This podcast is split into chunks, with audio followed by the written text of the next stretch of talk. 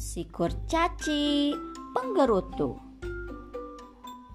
Suatu ketika ada kurcaci penggerutu yang ingin waktu selamanya malam karena ia ingin bisa tidur enak dan bermalas-malasan selamanya.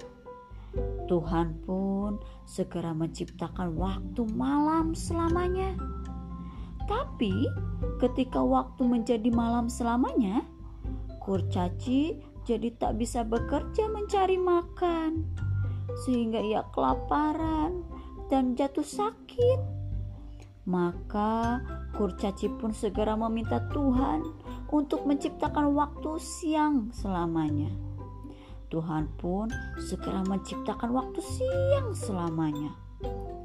Karena tak ada malam, kurcaci pun tak bisa tidur dan istirahat.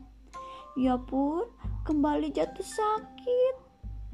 Setelah itu, akhirnya kurcaci sadar Tuhan sengaja menciptakan waktu malam dan siang bergantian agar semua makhluk hidup bisa bekerja dan beristirahat bergantian secara seimbang.